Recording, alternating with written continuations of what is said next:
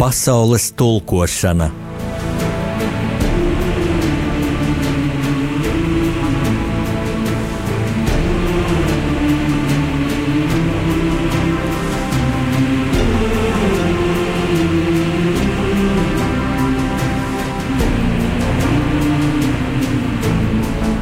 Studijā rakstnieks Jānis Udris.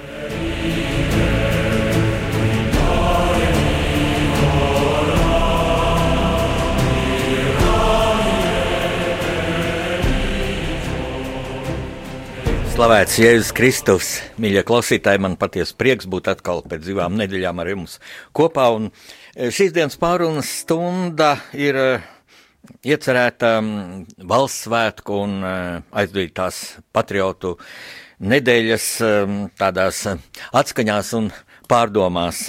Mm, vispirms es gribu teikt lielu paldies tiem rādījumam arī Latviju klausītājiem, kuri piedalījās, bija ieradušies kā viesi manā, manas iecerētajā un arī manas vadītajā un sagatavotajā uzvedumā Eh, akadēmiskajā bibliotekā, Latvijas Universitātes akadēmiskajā bibliotekā, kas ir Rūpniecības ielā desmit. Eh, uzvedumā mm, sirdsapziņas atgādinājums leitnantam Rubenim, bruņniekam Robertam simts. Simts gadi kopš dzimis nācijas varonis, eh, leitnants Rubens, kurš krita, krita kaujā pret vācu okupantiem, kaut bija gatavojies un izveidojis kaujas spējīgu, patriotisku, labapmācītu bataljonu cīņai pret padomju okupantiem, pret sarkano armiju. Lūk, tāds paradoks notika Kurzemes cietoksnī 44. gada 18. novembrī, un Leitnants Rubenis pirmajā kaujā krita, kaut viņa bataljons uzvarēja vācu pārspēku, un kaut viņa bataljons ar Leitnantu Rubeņam norīkoto savu darbu turpinātāju, virsnieku vietnieku Druviņu, kā komandieri, kā jauno komandieri, turpināja vēl sekmīgi, sekmīgas atvairīšanas kaujas ar vāciešiem līdz pat 9. decembrim. Lūk, šim unikālajam cilvēkam, kurš nodzīvoja īsu mūžu, 27 gadus, bija veltīts šis uzvedums, un man tas uh, Man tas bija tāds liels eh, pārbaudījums, liels izaicinājums, kā izdosies šāda iecerē, jo uh, nu, klausītāju uh, spēja uztvert faktus uh, ir ierobežota kā visiem cilvēkiem, un nevar par mm, tik sarežģītu vēstures posmu un par tik spilgtu personību un izstāstīt, teiksim, pusstundā. Uzvedums bija diezgan garš, kādas divas stundas. Mm. Bet, bet vadot šo uzvedumu, es tā visu laiku vēroju zāli, mm, kad cilvēki ar lielu uzmanību klausījās, pēc tam es saņēmu ļoti daudz atzinības vārdus, un es saprotu, ka tie bija veltīti galvenokārt mm, šim neparastajam tematam. Jāteic, diemžēl neparastajam, jo Roberts Rūbēns ir tik spilgta personība, un viņa, viņa nozīme vēsturē un vēsturiskās atmiņas kontinuitāte ir tik liela, ka par šo cilvēku vajadzētu mācīt skolās. Skolā Latvijas vēstures programmā, nu, diemžēl tas nav. Un man nav ilūzija, ka, ka tuvākajā laikā šī, šī, šis trūkums tiks novērsts, jo mūsu skolās nu, kopumā ļoti pavirši, ļoti vāji, ļoti maz māca mūsu valsts Latvijas Republikas vēsturi. Izņēmums ir tās skolas, kurās ir patriotiski vēstures skolotāji, un šādas skolas, paldies Dievam, ir diezgan daudz. Tā kā tas viss ir vēstures skolotāju rokās, es eh, sūtu sveicienu šiem patriotiskiem vēstures skolotājiem, mm, ka tāda ir. Es redzēju pirms dažiem gadiem Ventspils novadā, Puzē, Puzes skolā, kur bija sapulcēti visu novada skolu e, pārstāvi, skolēni, kur bija uzvarējuši tādā saudabīgā konkursā. Konkurs saucās Mans jautājums - grāmatas Melders un Matīs ceļojums vēsturē autoram, Jānim Udrim. Man tas ļoti pārsteidza.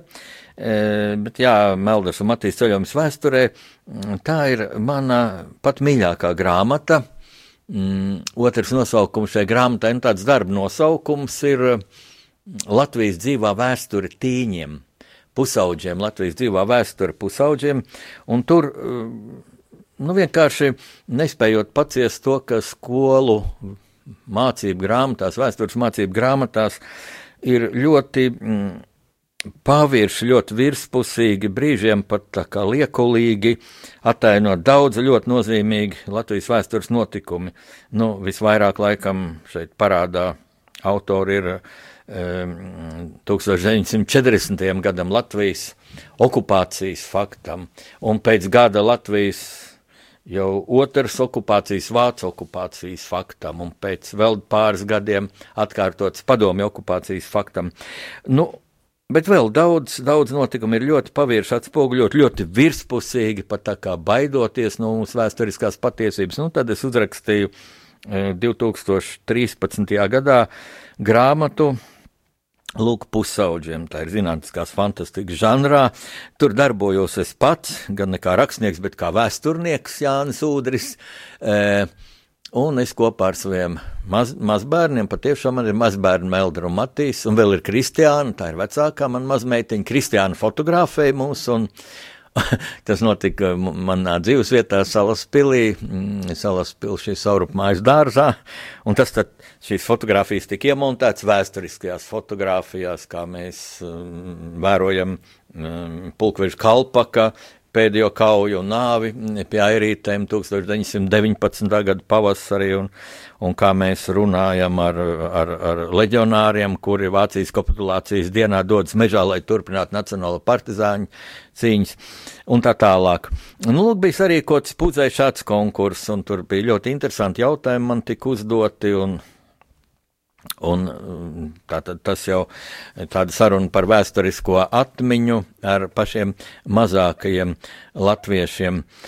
Jāteic, ka ar vēsturisko atmiņu mums ir nu, liela problēma, jo ilgus gadus mūsu valsts ir bijusi okupēta. Ja mēs nākamā gada atzīmēsim Latvijas simto dzimšanas dienu, simto jubileju, tad parēķiniet, ka joprojām nākamgad tātad vairāk kā puse, 51 gads būs pavadīts okupācijā, kā Latvija 1940. Mm, gadā tika okupēta.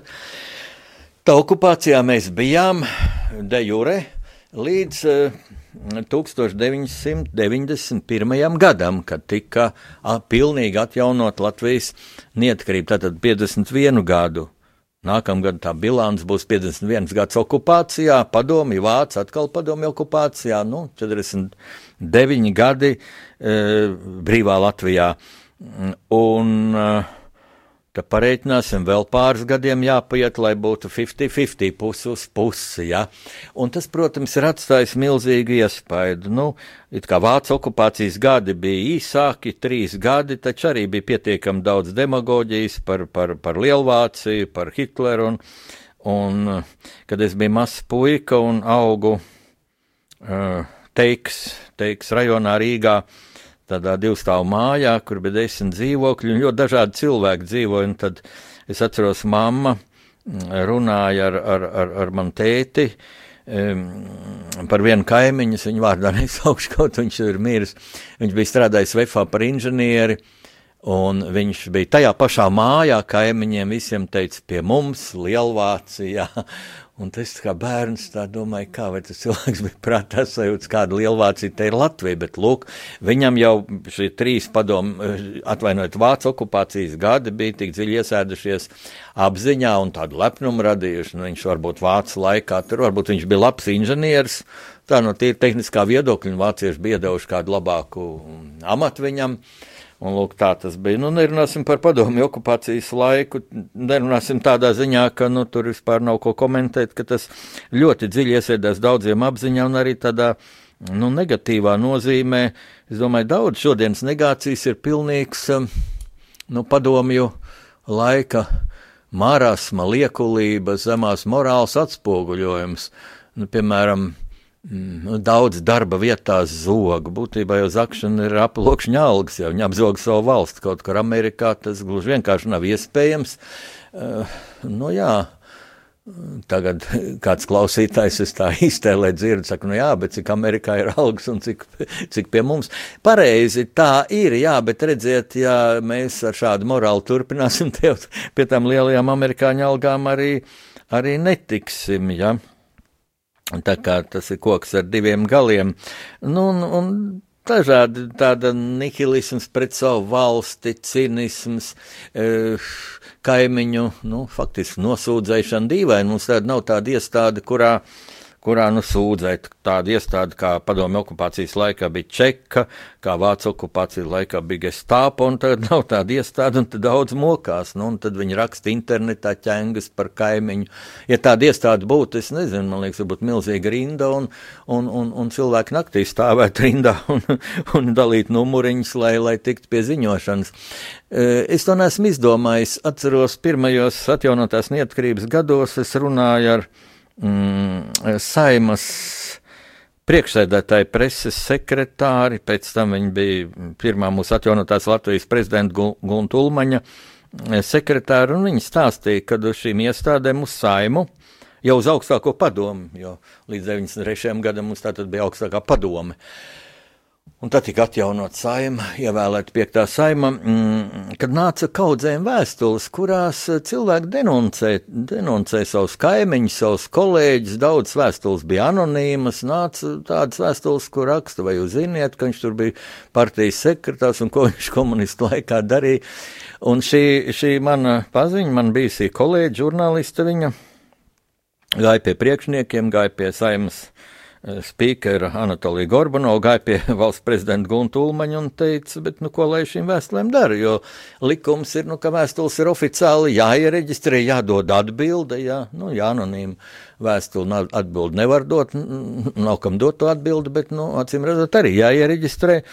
Un abi šie tolaik lielie priekšnieki paskatījās un teica, nerāda man tādas mēslas, man riebi skatīties. Un, kur tās vēstules palika, es pieņemu, ka tika kaut kur iebāzt kādā maisā un turpat stāv. Un, ja mēs tur runājam par čekas maisiem un, un, un tagad briesmīgas kaislības uzkurināts, redziet, nav jau jābūt arī, acīm redzot, obligāti kādā kartotekā, ja šis denuncēšanas princips sēž iekšā, tad viņš arī laužas uz āru, ja, un dot tikai, dot tikai attiecīgu, nu, nu, instrumentu, kur to aizsūtīt, un, un viss notiks. Un atcerēsimies vēl, ka 41. gada 14. jūnijā, kad bija pirmā deportācija, kad tika deportēti apmēram 15,000 latviešu patriotu uz Sibīriju, no kuriem daudz gāja bojā jau ceļā un briesmīgos apstākļos Sibīrijā. Un 49. gada 25. marta deportācija, kad jau vairāk kā 40 tūkstoši latviešu tika deportēti ar, ar visām ģimenēm, uh, kad uz, pie katra šī, šī deportējumā, nu Rīgā tas bija šiem okupantiem vienkāršāk, mm, aiziet uz attiecīgu adresi, atrast attiecīgu adresi, bet laukos un, un, un liela daļa jau deportēto, īpaši 49. gadā bija lauku saimnieki, čaklākie, līdz ar to turīgākie saimnieki.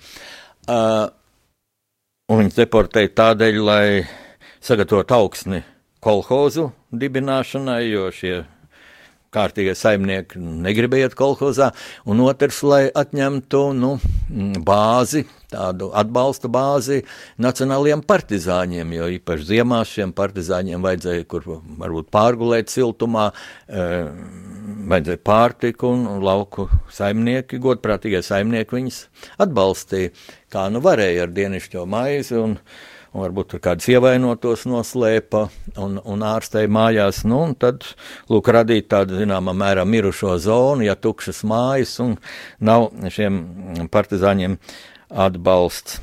Nu, bet uh, čekisti, kas bija citautieši no, no citiem PSRS reģioniem iebraukuši, uh, viņi jau būtu ilgi mocījušies atrast šīs mājas bet brauca līdz vietējie tā sauktie iztrebīķeļi, iznīcinātāji, speciāls tāds brīvprātīgo, it kā brīvprātīgo vienības, cits varbūt tiešām tur godprātības un karjeras dēļ aizgāja brīvprātīgi, citu varbūt piespieda. Mm, bet vietējie iedzīvotāji, komjaunieši, un viņi uzrādīja šīs mājas. Un es tagad par to visu tā runājot, domāju, tas ir ciešā sakarā ar mūsu pamat jautājumu. Vai 1940. gadā vajadzēja aizstāvēt savu valsti? Un šis jautājums, tas ir arī, tas bija arī, lūk, pamatā, kāpēc es šo savu uzvedumu 13. novembrī patriotu nedēļas ieskaņā eh, nosauc par sirdsapziņas atgādinājumu, jo es rakstot savu romānu, jaunāko romānu, Leitnants Rubenis, Bruņnieks Roberts, sapratu, galīgi sapratu vienu lietu, ka diskutēt par to, vai vajag savu valstu aizstāvēt, eh, Kad viņu vajag aizstāvēt? Nu, teiksim, tad, ja ir vājš ienaidnieks, un ja šī aizstāvēšana nekāds lielos upurus ne, neprasa, nu, tad var tā drusiņi pa, pašaudīties un pateikt, mēs te esam saimnieki un tev te nav ko darīt. Nu, bet ja mums ir tāds nopietns ienaidnieks, varbūt pat ienaidnieks, kam ir pārspēks, un ja kaujas ir paredzams tādas bīstamas, un ja cilvēki var iet bojā, Nu, tad nevajag aizstāvēt savu valsti. Es sapratu, ka šīs, nu, kā to nosaukt, tīzlās, gļēvās runas ir uh, gluži vienkārši amorālas. Ja mēs tikpat labi spriedīsim, vai kad es eju ar savu māti pa ielu, vai ar savu sievu pa ielu, vai ar savu līgu, vai ar savu meitu, un nāks kaut kāda bandita pretī. Vai man viņa aizstāvēt, vai nē, nu, varbūt man mukt prom, varbūt stāvēt un noskatīties, ko viņi tur dara, kādas varmācības ar šo sievieti. Tas ir amorāli, gluži vienkārši amorāli. Es vairāk pat, es esmu deklarējis, ka es šādās amorālās diskusijās nepiedalīšos, jo, nu, pietiek, ir kaut kāds morālais slieksnis, par ko nevar. Un mm, jāteic, ka šādas nu, diskusijas, būtībā plāpāšanas ir ļoti seklas, jo nu, tiek runāts tikai par tādu spēku samēru, nu, kad tur padomu okupantiem bija tanki un lidmašīnas. Nu, Latvijai arī bija nu, mazāk, daudz mazāk, daudz mazāk. Ja. Tāpat kā Somijai bija daudz mazāk, bet Somija karoja. Man liekas, aviācijā bija PSRS to bruņoto spēku, to, kas iebruka Somijā, pārspēks aviācija, laikam, viens pret 30 un tanki kaut kas līdzīgs. Ja? bet, bet ne jau no tā vien ir atkarīgs kaujas iznākums. Daudz kas atkarīgs no, no vietēju apstākļu zināšanas un galvenais no karavīru morāles. Un to lūk ļoti spilgti pierādīja Roberta Rūbeņa bataljons. Pierādīja, ka Latvijas armijā bija ārkārtīgi labi sagatavoti virsnieki. Roberts Rubens bija mm, ļoti patriotisks jauneklis, jau Malnovas lauks, lauksniecības skolā viņš vadīja skolēnu patriotisku organizāciju, un kara dienesta laikā nu, varēja nodienēt tur pusotru gadu un, un iet mājās, bet nē, viņš kļuva virsnieks, leitnants un kļuva tanka komandieris, viņš ļoti pārdzīvoja, ka viņam neļāva karot 40. gadā. Gluži vienkārši armijai bija Nevien nebija dota mobilizācijas pavēle, bet viņiem pat bija aizliegts pretoties padomju okupantiem. Nu, un tad nu, iznāca tā, ka latviešiem vajadzēja karot pa divās armijās. Sarkanajā armijā, kurā diezgan daudz latviešu jaunekļu aizgāja brīvprātīgi, jo Būtībā tas tagad arī grūti izprast, bet vēstures tādu paradoksu, ka tagad mēs zinām par baismīgajām padomju represijām baigajā gadā. Bet tad nemaz tā cilvēki to nezināja, jo tie, kas zināja, klusēja, baidījās par to runāt. Arī par 14. gadu deportāciju, un lūk, paiet tikai nedēļa, sāks karš ar Vāciju, sāks evakuācijas Krieviju, un daudz cilvēku aiziet brīvprātīgi. Un tad, lūk, Maskavā tiek dibināta, pie Maskavas tiek dibināta jau 41. gada rudenī. Latviešu divīzija, Latviešu padomi divīzija. Un tajā es patiešām zinu cilvēkus, kas ar visu sirdi un dvēseli nīda vāciešus, jo, jo, jo šis naids tika audzināts jau Ulmaņa laikā skolās, naids pret Vāciju, ne pret Padomju Savienību, pasargdies, bet pret Vāciju, jā. Tā bija kā ļulmaņa tāda, nu, vērtību sistēma, ka vācieši mūs verdzinājuši 700 gadus, nu, tā arī bija. Un kā un šie vācieši atkal nāks Latvijas zemē, un puiši ar visu sirdi un dvēseli iestājās sarkanajā armijā, nu, kas neiestājās to mobilizēja. Nu, savukārt Vācijas okupācijas spēki mobilizēja leģionā, bet arī tur gāja brīvprātīgi apmēram 10%. Un tā, nu, lūk, karot iznāca latviešiem svešās armijās, brālim pret brāli, tēvam pret dēlu, dēlam pret tēvu, un tas bija daudz briesmīgāk nekā, ja būtu karojusi Latvijas armija 40. gadā, vai vēl daudz no vēsturiskās perspektīvas raugoties daudz gudrāk 39. gadā kopā ar Somiju. Ja vēl Igaunijai būtu pieticis šī vēsturiskā saprāta, Lietuvai, nu, bet Latvijā, Lietuvā, Igaunijā nebija parlaments. Parlaments vienīgi Somijā, nu, un parlaments, tad, lūk, kolektīvi pieprasīja, lai armija karotu. E, tādi vienpersoniskie valsts vadītāji, e, kā Ulmans, Smetona, mm, nu, viņi mm, kaut kā nespēja uzņemties tik lielu atbildību uz sevi. Nu, un tagad to pārskatīt, tas arī ir šis e, sirdsapziņas atgādinājums. Lūk, un man ir liels prieks, ka šis uzvedums bija kupla apmeklēts man pašam ļoti patīk arī tas muzikālais ietērps. Tur dziedāja Daugaus Vanaģa koris, dziedāja Vilņa Salaka, vīra ansambls, patriotisks dziesmas, skanēja dziesma nezināmajam kareivim, kur dziedāja Daiga Kaša, es domāju, viņa ir labi pazīstama rādījuma arī Latviju e, klausītājiem. Nu, lūk, tādas pārdomas par aizvadīto patriotu nedēļu, un es uh, Vēlreiz saku lielu paldies tiem, kas atnāca. Man žēl, ka daudziem nācās stāvēt kājās, jo akadēmiskās bibliotekas zāle nav diez cik liela, bet nu, visiem bija labi, un mēs pēc tam varējām kavēties arī tādās draudzīgās sarunās. Nu, tagad, eh, tagad brīdis mūzikai.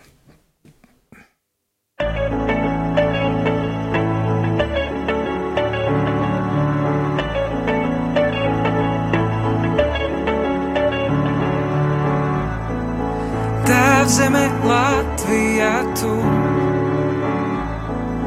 Māte, kas sargā un tic,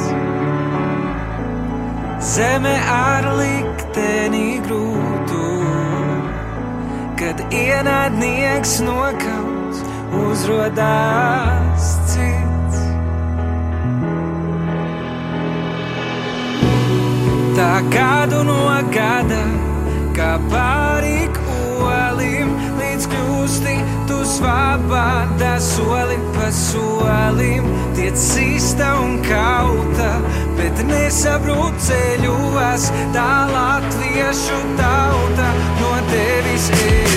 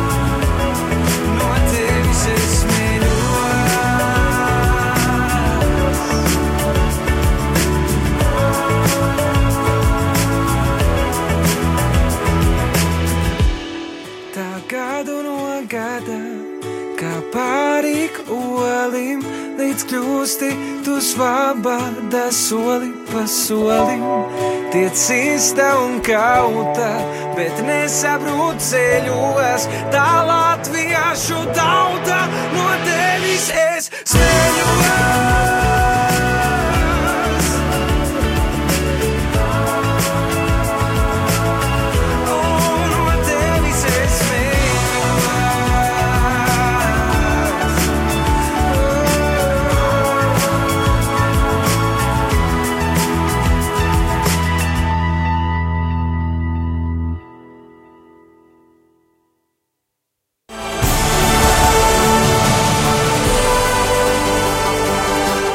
Pasaules tulkošana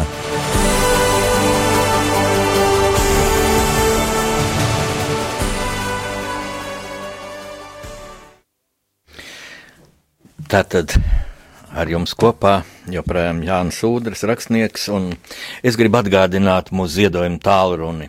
Tātad mūsu ziedojuma tālrunis 900 67 69 900 67 69 ar savu nelielo ziedojumu, ar vienu tālruņa zvanu. Jūs dosiet savu mazu, bet ļoti svarīgu ar tavu, ar tavu radio Mariju Latviju darbam, lai mēs varētu arī atbalstīt savus brāļus eh, kristīgās radiostacijās citās valstīs. Tas ir ļoti svarīgi, jo mūsu ir daudz. Ziniet, to es sapratu, ka mūsu ir daudz, mūsu patriotu. Šajā gadījumā es domāju, kristiešus, kas klausās rādījumā arī Latviju, bet es tā intuitīvi jūtu un esmu arī dzirdējis sabiedrības noskaņojums, ka mūs klausās nebūt ne tikai, eh, tikai kristieši, tikai katoļi, klausās arī cilvēki, kuri hm, nu, ir tāds muļķīgs apzīmējums, neticīgie. Man tas liekas patiešām muļķīgs, jo nu, tas tā no padomju okupācijas laikiem, no padomju ideoloģijas atzīmēts, nu, tā kaut kāda neticīga, neticīga, tāds veiciens neticīgais. Toms, ja tas nāk no Bībeles, nu kā, kā tur būt neticīgs. Vienā padomu filmā bija tāds, nu, antireliģisks moments, bet ir diezgan asprātīgs, ka vienam pareizticīgo mācītājam viens, nu, puisis prasa, vai, vai jūs tiešām ticat Dievam? Viņš teica, nu, tic pa savam, katrs viens tic, ka Dievs ir, otrs tic, ka nav. Bet tas, protams, viss ir ļoti triviāli un ļoti muļķīgi, un, un pats vārds ticēt, neticēt, man, tic, neticēt, neticēt, man tas liekas tāds sātana vārds, ja tu pārbaudi vispirms, un, un tad, mm, tad, bet, nu, visa mūsu zeme, visa mūsu mm, dzīves ritms, visa mūsu būtība taču parāda, ka šīs dzelžainās likumsakarības, skaistās likumsakarības, ko nu, cilvēki diemžēl ļoti bieži ir gandējuši, bet tas viss parāda, ka ir šī augstākā vara, un nu, tādēļ mēs šeit esam. Uh, un es par to pārbaudu, pārliecinājos vēlreiz. Um, arī vakar piedaloties kādā ļoti gaišā un savā ziņā arī ļoti neparastā pasākumā, ļoti patriotiskā pasākumā, kas notika Karmūzajā, Vecrīgā. Proti, tika atvērta ģenerāļa Kārļa Kreisliņa grāmata no lauku puikas līdz ģenerālim. Nu, Kārlis Kreisliņš, nu, pirmkārt, viņš ir mans draugs jau diezgan daudz gadus, un es viņu esmu mm, kopš mūsu iepazīšanās abrīnojis. Jo viņš ir cilvēks, kuru, kur varētu ar pilnu, pilnā mērā saukt par supermenu. Ja? Kaut kā mēs sākām vienreiz runāt par sportu, es redzēju, ka viņu ir sporta meistara nozīmīt piesprāst, un es prasīju, kādā sporta veidā. Un viņš man sāk uzskaitīt, jo viņš ir sporta meistars daudzos sporta veidos, pie tam tik dažādos, ka tur bija gan, gan šaušana, gan šahs, gan kādas vieglatlētīgas disciplīnas, laikam slēpošana, kaut kas pilnīgi unikāls. Un tā šis cilvēks man pārsteidz arvien vairāk un vairāk. Es Kārlu Kreisliņu biju mm, nu, cerēju sagaidīt uh, štabā šīs dienas raidījumā, šeit studijā pie mikrofona. Bet, diemžēl, viņš nevarēja atnākt, jo viņš pašlaik saimā balso par nākamā gada budžetu. Kārlis Kreisliņš ir arī mūsu parlamenta deputāts. Bet, lūk, vakar tika atvērta šī grāmata no lauka puikas līdz ģenerālim. Tā nav Kārļa pirmā grāmata, viņam arī ļoti bieza, tādu skaistu greznu grāmata. mm, gods kalpot Latvijai. Un pati mm, nu, Kārļa šī militārā karjera līdz ģenerālim no lauka puikas ir patiešām abrīnas vērta, jo Kārlis Kreisliņš, viņš ir dzimis 1945. gadā, mm, un pagāja vien četri gadi, četri gadi bija puisēnam, kad viņa ģimene, viņš ar vecākiem tika izsūtīti uz Sibīriju. Viņš pirmos um, nu, savu mūža gadus, tātad četrus nodzīvoja Latvijā, un pēc tam Sibīrijā līdz pat 57. gadam, kad bija tā sauktais Hruščova laiks, kad šis PSRS līderis nu, atmaskoja Staļina laika noziegumus. Tagad mēs zinām, viņš atmaskoja tādēļ, lai, lai izvairītos pats no soda vai nosodījuma vai vēstures, vēstures nosodījumu vismaz, jo viņš pats bija ļoti aktīvi piedalījies arī cilvēku represēšanā, lai izpatiktu tam pašam Staļinam un, un arī ļoti augstu uzkalpojies šī Staļina laikā. Nu, tad tā, tāds lūk paņēmiens, kā saka, gāzt vainu virsū otram, lai, lai pats sev atmazgātu. Bet tā vai citādi, bet daudz latvieši tika atpakaļ no Sibīrijas, arī Kārlis Kreisliņš. Un, kad viņš sāka mācīties Latvijā, šeit Latviešu skolā, jo Sibīrijā latviešu skolas nebija. E, nu, mājā viņi bija runājuši latviešu valodu, bet nu, tā rakstīt, tā viņam nebija kas īsti pamācis lat, latviešu rakstīt, jo, jo vecākiem jau bija Sibīrijā ļoti smagi jāstrādā. Un tad Kārlis bija uzrakstījis pirmo laikam diktātu, Un tas diktāts ir bijis nu, tik sarkans, ja, kā skolotājs um, laboja burtnīcas um, mans paudzes bērnībā, nu, ar sarkanu tinti. Ja. Uh, un uh, vien, viens sarkans plankums, viss tā lapa. Uh, un apakšā ielikts vieninieks, atzīme viens, to laiku bija pieci balvu sistēma, tā tad teicam bija pieci, nu viens tas bija, tas bija kaut kas briesmīgs, un skolotāji vēl bija pierakstījis klāt kaut ko tik briesmīgi, neesmu vēl, vēl uh, lasījusi, ja, bet, bet, uh, bet Kārlis bija apveltīts ar ārkārtīgu uzņēmību. Viņā apvienojās jau kopš bērnības ļoti stiprs tāds raksturs, E, veselības rūdīšana, ārkārtīgi cieša draudzēšanās ar sportu un ļoti asins prāts.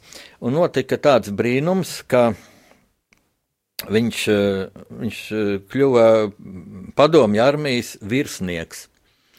Un te Kārlis pats it kā nean, neanalizējot savā grāmatā, bet tā uh, ar faktiem parāda, ka tas bija tas pats ceļš, ko uh, Eh, pagājušā gadsimta sākumā un vēl 19. gadsimta beigās gāja daudzi nu, trūcīgi vai, nu, teiksim, ar limitētiem apstākļiem mm, apveltīti latviešu jaunekļi, gāja uz militārajām skolām, kas bija bez maksas, uh, Nu, padomu savienībā visas skolas, visas augstskolas bija bez maksas, bet bija dažāda tā kvalitāte. Un Kārlis, kā es saprotu, ļoti tiecās pēc spēcīgām tehniskajām zināšanām, un tās vislabākās bija uh, militārajās augstskolās.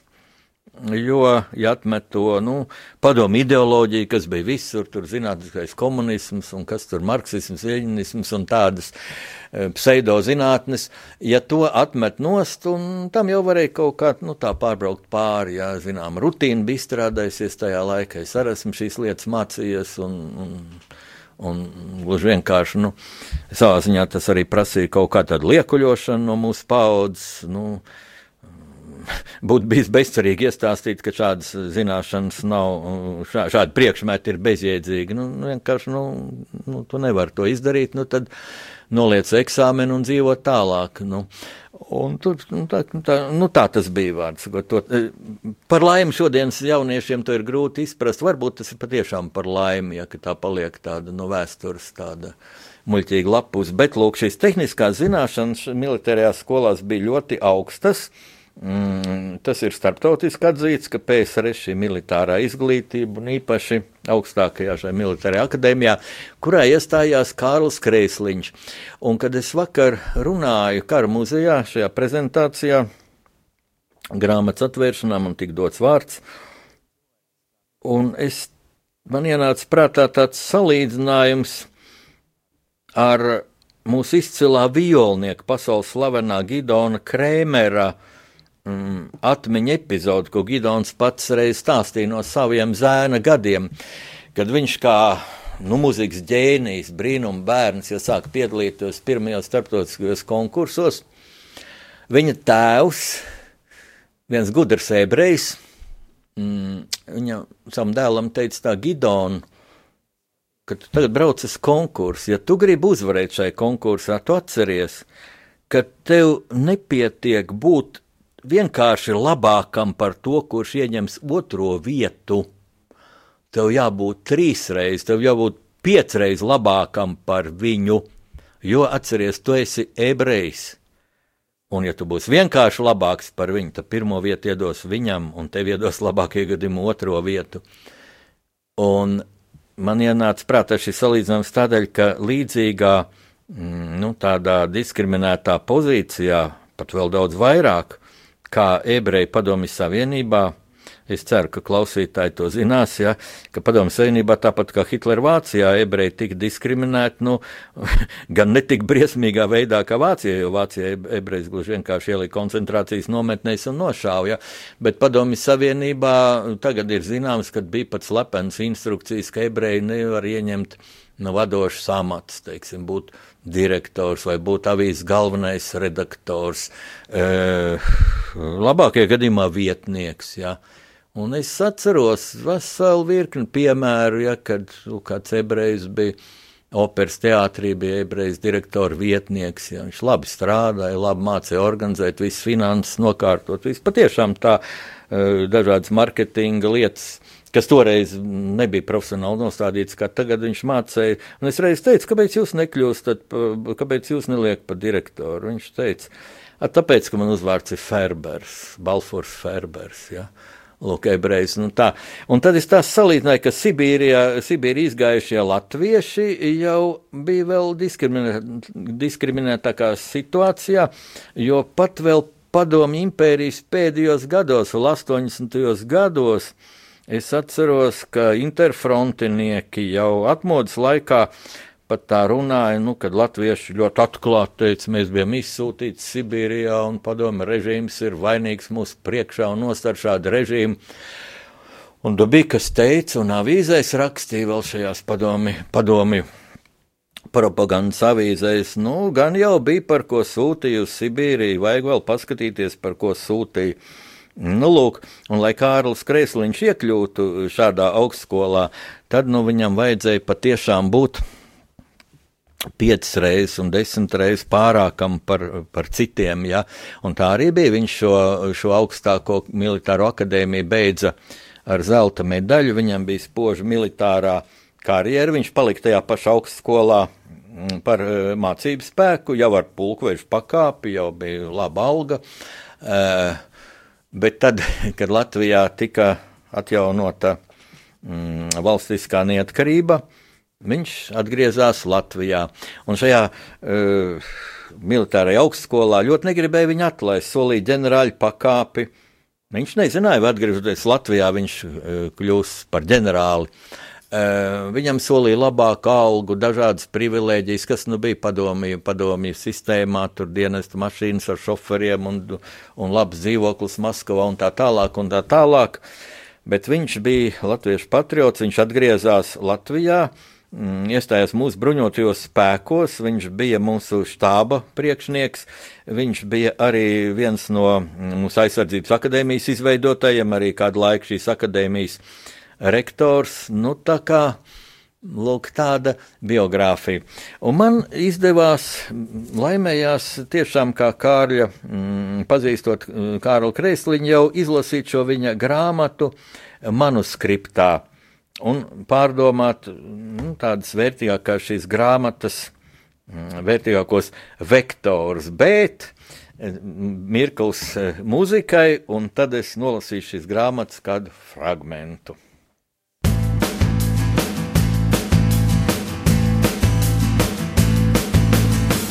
Viņš stāpīja, dusmas zaimi kāri, reklāmas bez galā Noredz tu esi mana, eleganti krogi. Apud nav ko smoku, nav kur nolikt galvu. Man priekšā krauja, kur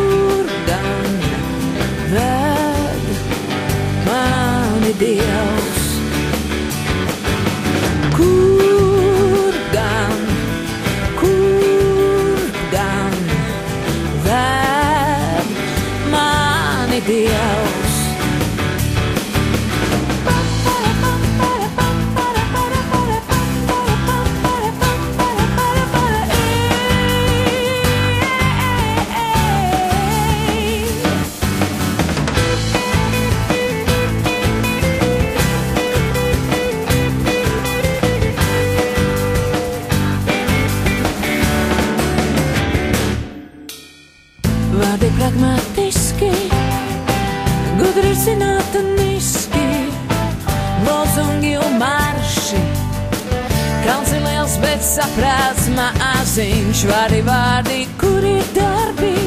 Klusums kā pēc barga sala, sirds ir izsalkusi, izmisusi skaļi klusē.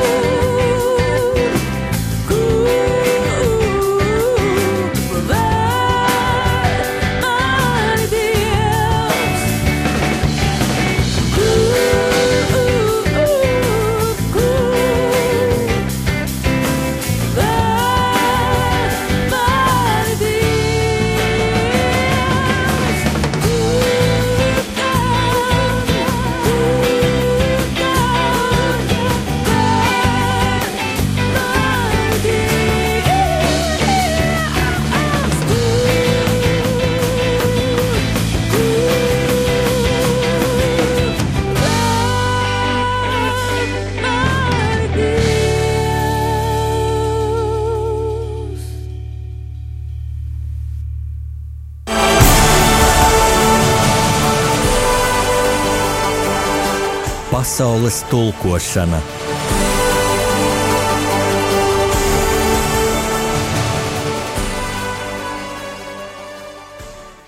Mīļie klausītāji, jums kopā joprojām rakstnieks Jānis Udrs un solījums paliek solījums. Tātad fragments no mm, ģenerāļa Kāra, Kārļa Krēsliņa jaunās grāmatas no lauku puikas līdz ģenerālim. E, fragments, e, kurš man liekas tā no vēsturiskā nozīg, nozīmīguma, no vēsturiskās perspektīvas. Visbūtiskākais šajā grāmatā, kaut gan tas ir tikai tāds ieskicējums plašākai analīzei, un vakar uh, Kara muzejā grāmatas atvēršanas svētkos es arī devu tādu novēlējumu ģenerālim, ka šo tēmu izvērst viņa nākamajā grāmatā, ko viņš raksta uz Latvijas simtgadi, kas auksies no ģenerāļa līdz, uh, līdz um, parlamenta deputātam. Un tur lūk tādas tieši deputāta pārdomas, es viņam ieteicu iekļaut par valsts aizsardzību gan vēsturiskā perspektīvā, gan, mm, gan pavisam konkrēti analizējot Latvijas kā NATO un Eiropas Savienības dalību valsts e, situāciju. Un es to pamatoju mm, tā savā runā, um, nu, ka tas būtu ļoti tieši deputāta pienākums, jo būtībā atbilde, kāpēc Latvija nekaroja mm, 39. un 40. gadā un kāpēc Somija karoja, ir būtībā ļoti, ļoti vienkārša. Tāpēc, ka Latvijā nebija parlaments, to bija atlaidis Kārlis Ulmans 15. māja apvērsumā, e, un Somijā bija parlaments, un tieši parlaments lūk pieprasīja, lai armija cīnās. Kaut armijas komandieris Mannerheims pirms tam bija politiķiem teica, mūsu armija nevar cīnīties, dariet, ko vien varat valsts pasargāšanai ar politiskiem līdzekļiem, bet lūk politiķi lēma, un maršals Mannerheims pildīja parlamenta gribu, līdz ar to tautas gribu. Viss notika tieši tā, kā tam ir jānotiek. Somija cīnījās, Somija nosargāja savu neatkarību, gan ar milzīgiem zaudējumiem nosargāja neatkarību, un kas tas interesantākais,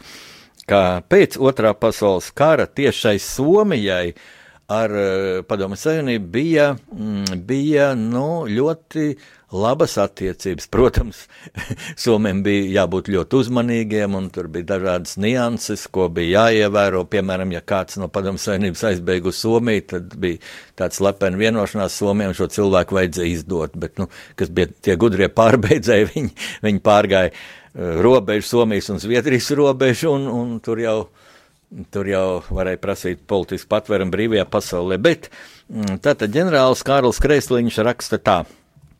Daudz ir runāts un rakstīts par Latvijas neatkarības zaudēšanu. Neraugoties uz to, ka vēstures notikumos nav korekts spriest, kas būtu, ja būtu, tomēr uzskatu, tā kā Latvijas valsts vidēji 25% savu budžetu piešķīra kara ministrijai, bija spēcīga aizsarga organizācijas, kuras sastāvā 39. gadā bija 60 tūkstoši cilvēku un tā netika finansēta no kara ministrijas budžeta. Latvijai vajadzēja izrādīt bruņotu pretestību savas valsts okupācijai. Tad nebūtu diskusija par Latvijas brīvprātīgu pievienošanos PSRS vai aneksiju vai okupāciju. Daži pētnieki uzskata, ka Latvijas valsts prezidents Kārls Ulmanis piekrītot PSRS karaspēku bāzi izvietošanai Latvijas teritorijā un atsakoties veikt valsts militāro aizsardzību, vēlējās izvairīties no latviešu iznīcināšanas. Nacionālajā aizsardzības akadēmijā tika veikts pētījums, kurā ir aprakstīti vairāk nekā tūkstotis Latvijas armijas virsnieku, kurus iznīcināja PSRS laikā. Baltijas valstis neprat vienoties kopīgi aizstāvēt savas valstis. 20. gadsimtā karavīriem bija iespēja veiksmīgi organizēt partizānu karu, jo valsts represīvu orgānu rīcībā nebija mūsdienu modernā ekipējuma uh, kosmosa satelītu, bezpilotu lidmašīnu, dažādu sensoru, nakts redzamības ierīču un tā tālāk. Savas iespējas pilnā mērā izmantoja Somija. Un tālāk ģenerālis Kreisliņš raksta, varas koncentrācijai viena cilvēka rokās diktatūrai krīzes situācijā ir gan savi plusi, gan mīnusi. Pozitīvi ir tas, ka lēmumus var pieņemt ātri, rīkoties saskaņoti, bet atbildības nastu par valsts likteni un tās iedzīvotāju dzīvību gulstas uz viena cilvēka pleciem. Papildu izpētes vērtas ir Latvijas armijas, tās vadības un vadītāju kaujas spējas, jo Daudzi pieredzes bagāti karavīri, pirmkārt virsnieki, bija aizgājuši vai bija spiest aiziet no armijas, piemēram, ģenerālis Pēters Radziņš. Viņa vietā tika iecelt priekšniecībai paklausīgi karavīri, kur nebija profesionāļi. Par nožēlu dažkārt tā ir arī mūsdienās. Lūk, ģenerāļa Kārļa Krēsliņa ļoti profesionālais viedoklis, un es uz Kārļa Krēsliņa bieži esmu atsaucies un atsaukšos arī turpmāk. Nu, runājot par vēsturisko atmiņu, par nu, vēsturisko kļūdu, ko pieļāva Latvijas valsts prezidents Kārls Ulmans, labu gribēdams, ideālistiski cerēdams, ka ja nepretosies padomju okupantiem, tad, tad nu, Latvijas tauta tiks pasargāta no upuriem. Mēs tā zinām, ka upuri bija daudz lielāki nekā būtu bijuši karojot. Karot nāktos savā Latvijas armijā, tad nācās karot divu okupantu armijās. Nu, smags temats vielu pārdomām. Vielu pārdomām, ar ko es šodien arī beigšu savu pārunu stundu. Mm, pasaules tulkošanu vēl tikai gribu piebilst, ka šis uzvedums sirdsapziņas atgādinājums leitnantam Rubenim Bruņniekam Robertam Simts tika pārraidīts interneta tiešraidē, interneta kanāls Focus TV. To pārraidīja tiešraidē. Es priecājos, ka, ka diezgan liels uh, cilvēku skaits ir noskatījies.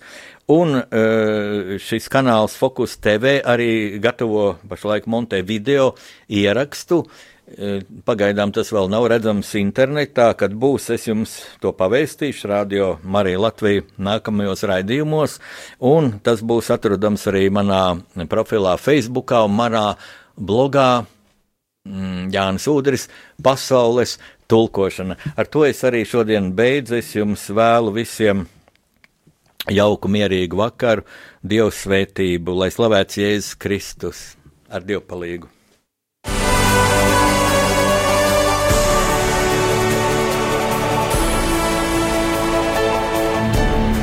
Pasaules tulkošana.